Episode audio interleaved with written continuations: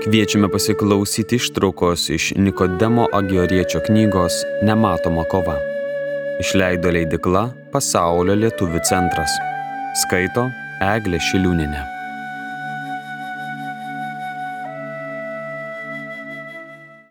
Lygiai taip, matydamas medžius, žolę ir visus kitus augalus, apmastydamas, kaip jie maitinasi, auga, ir patys želdina į save panašius, o ir suvokdamas, kad ne patys iš savęs jie turi gyvybę ir visa kita, kas juose yra, bet gavo iš akiai nematomojo kūrėjos šventosios dvasios, gali sušukti. Štai kur tikroji gyvybė, iš kurios, kurioje ir kuria gyvena, maitinasi ir dauginasi viskas o gyvybę teikiantis mano širdies pasitenkinime. Žvelgiant ir į neprotingus gyvius, galima protu kreiptis į Dievą, kuris davė jiems jūsles bei jėgą judėti iš vienos vietos į kitą ir sakyti, o pirmasis veikime, kuris visą įgalin judėti, pats savyje esi nepajudinamas. Labai džiaugiuosi dėl tokio tavo stabilumo ir tvirto tolygaus visur buvimo. Žvelgdami į save ir į kitus žmonės, suvokiame, kaip esame išaukštinti, būdami vieninteliai kūriniai žemėje, apdovanoti protu ir tarnaudami tam, kad mumise būtų sujungta materialioji bei nematerialioji kūrinyje. Visą tai apmastydami, tiesiog negalime nešlovinti Dievo ir negarbinti Jo. Todėl sakykime, o esančioji trejybė, tėve, sūnau ir šventoji dvasia, būk per amžių šlovinama, kaip karštai turiu tau dėkoti. Ir ne tik už tai, kad sukūrėjai mane iš žemės ir paskyrėjai karaliumi, įdant valdyčiau visus žemės kūrinius ne tik už tai, kad pagerbėjai mane sukurdamas pagal savo paveikslą, sulygindamas mūsų prigimtis pagal protą, žodį, gyvą kūną. Labiausiai dėkoju už tai, kad dovanojai man jėgą, įgalinančią laisvai pasirinkti darybių kelią, leisiantį supanašėti su tavimi, kad per tai turėčiau tave savyje ir paskeščiau tavo malonėje. Dabar apžvelgsiu atskirai kiekvieną iš penkių jūslių. Matant kūrinių grožį ir nuostabumą, protu reikia atskirti tai, ką matome, nuo to, kokia yra jų dvasinė paskirtis. Tai yra tai, ko nematome. Pagalvo, kad visas šis grožis, matomas išoriškai, yra nematomos ir visų gražiausios dvasios kūryba, kuri yra kiekvieno išorinio grožio priežastis ir džiaugsmingai sakyk, o gausiosios srovės, plaukiančios iš nesukurto šaltinio, o visą drėkinantis lietau iš begalinės visokio gėrio jūros.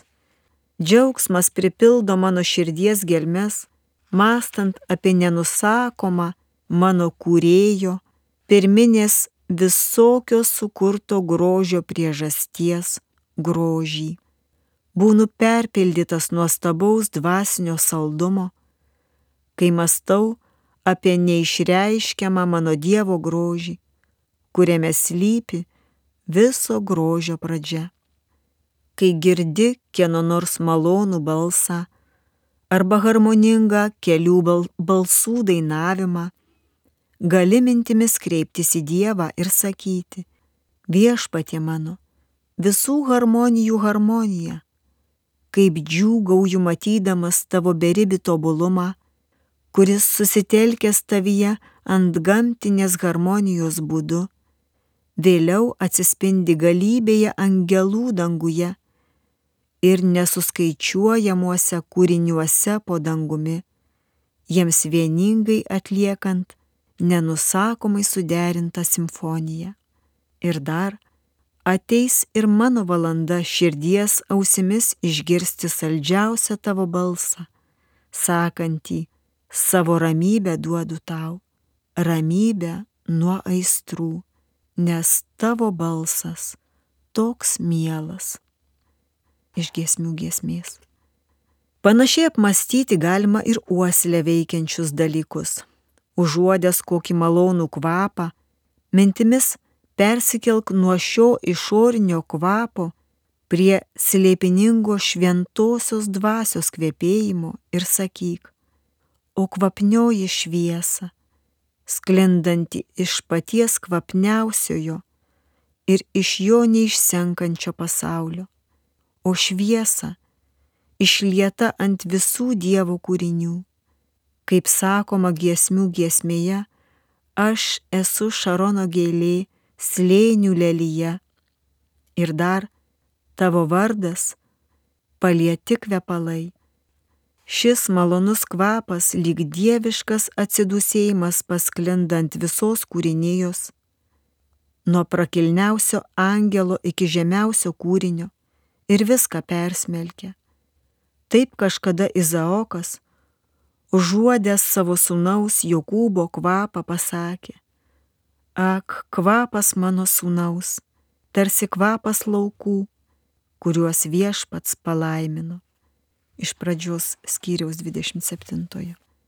Taip pat, kai valgai ar geri, galvok, kad būtent Dievas valgiui suteikia malonų skonį ir juo vieninteliu skonėdamasis sakyk, džiaugis mano siela, žinodama, kad atsiskyrusi nuo Dievo, negali patirti jokio pasitenkinimo, negali pajusti jokio saldumo, patirti paguodos. Jį pažinusi ir prie jo prisišliejusi, vien jame gali patirti visokiojo pamalonumą. Taip, pas jį kviečia ir Dovydas. Išbandykite ir patirkite patys, koks geras viešpats. Ir Saliamonas patvirtina šią tiesą. Jo vaisiai man saldus. Kai tiesi rankas ketindamas imtis kokios nors veiklos, prisimink, kad Dievas davęs mums galimybę ir jėgą veikti, yra pirmoji bet kokio veiksmo ar judesio priežastis. Mes esame ne kas kita, bet gyvas ginklas jo rankose. Todėl kreipkis į Dievą tokiais žodžiais. Kokį džiaugsmą išgyvenu aš, Dieve, pagalvojęs, kad be tavęs negalėčiau atlikti jokio darbo ir kad tu esi kiekvieno darbo pradžia ir pabaiga. O kai pamatysi kitų žmonių gerumą, išmintį, teisumą ar kitas dorybės, kaip ir prieš tai minėtais atvejais, atskirdamas matomą nuo nematomo, gali sakyti Dievui, o turtingiausias visų dorybių turėtojau, koks didelis man džiaugsmas matyti, kad bet koks gėris išeina iš tavęs vienintelio ir kad mūsų gėris lyginant su tavuoju tobulumu yra niekis.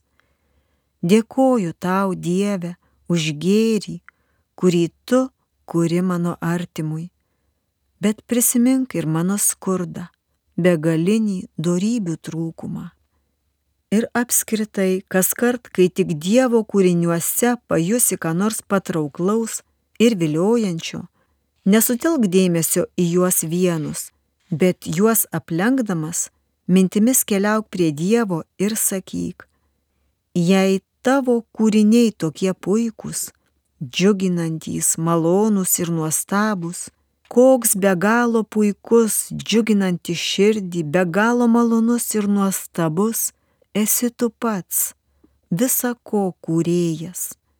Jei taip elgsiesi, mano numylėtini, tai galėsi ir su penkiomis jūslėmis pažinti Dievą, keliaudamas savo protu, tai yra pereidamas nuo kūrinių prie kūrėjo. Taip visa būtis ir jos sandara taps panaši į knygą, į Dievo žodį. Ir tu vis dar tebe gyvendamas jūslinėme pasaulyje, gebėsi pažinti savybės, artimas toms, kurios buvo iki pasaulio sukūrimo. Juolab, kad visas pasaulis ir gamta yra nekas kita, kaip vienas organizmas, kuriame po matomais dalykais, išreiškiančiais nematomus, buvoja pats kūrėjas ir dailininkas. Jis, veikdamas ir per matomą materiją akivaizdžiai išreikšdamas savo kūrybą, byloja apie protingiems kūriniams nematomus, nematerialius savo šedevrus ir veiksmus. Todėl išmintingasis Saliamonas sako, juk iš kūrinių didingumo ir grožio panašiai suvokiamas kūrėjas. Taip pat apaštalas Paulius teigia, jo neregimosios ypatybės, jo amžinoji galybė ir dievystė nuo pat pasaulio sukūrimo išvelgiamos protu iš jo kūrinių. Dievo sukurtame pasaulyje iš vienos pusės yra visi jo kūriniai, išmintingai sutvarkyti ir išdėlioti, iš kitos pusės žmonės apdovanoti protingą jėgą, kad jie, naudodami šią jėgą, tyrinėtų kūrinyje ir pamatę joje begalinę išmintį, siektų pažinti bei kontempliuoti amžinąjį žodį, nes visa per jį atsirado. O mes, žinoma, iš veiksmų pažįstame veikiantį jį. Todėl reikia stengtis teisingai viską išsiaiškinti, kad per kūrinyje įgytume tikėjimą ir kūrinyjoje atpažintume kūrėją.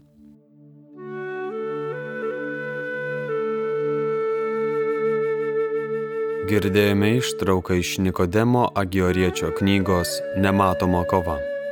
Knygą išleido leidikla Pasaulio lietuvių centras 2023 metais. Skaitė Eglė Šiliūnenė.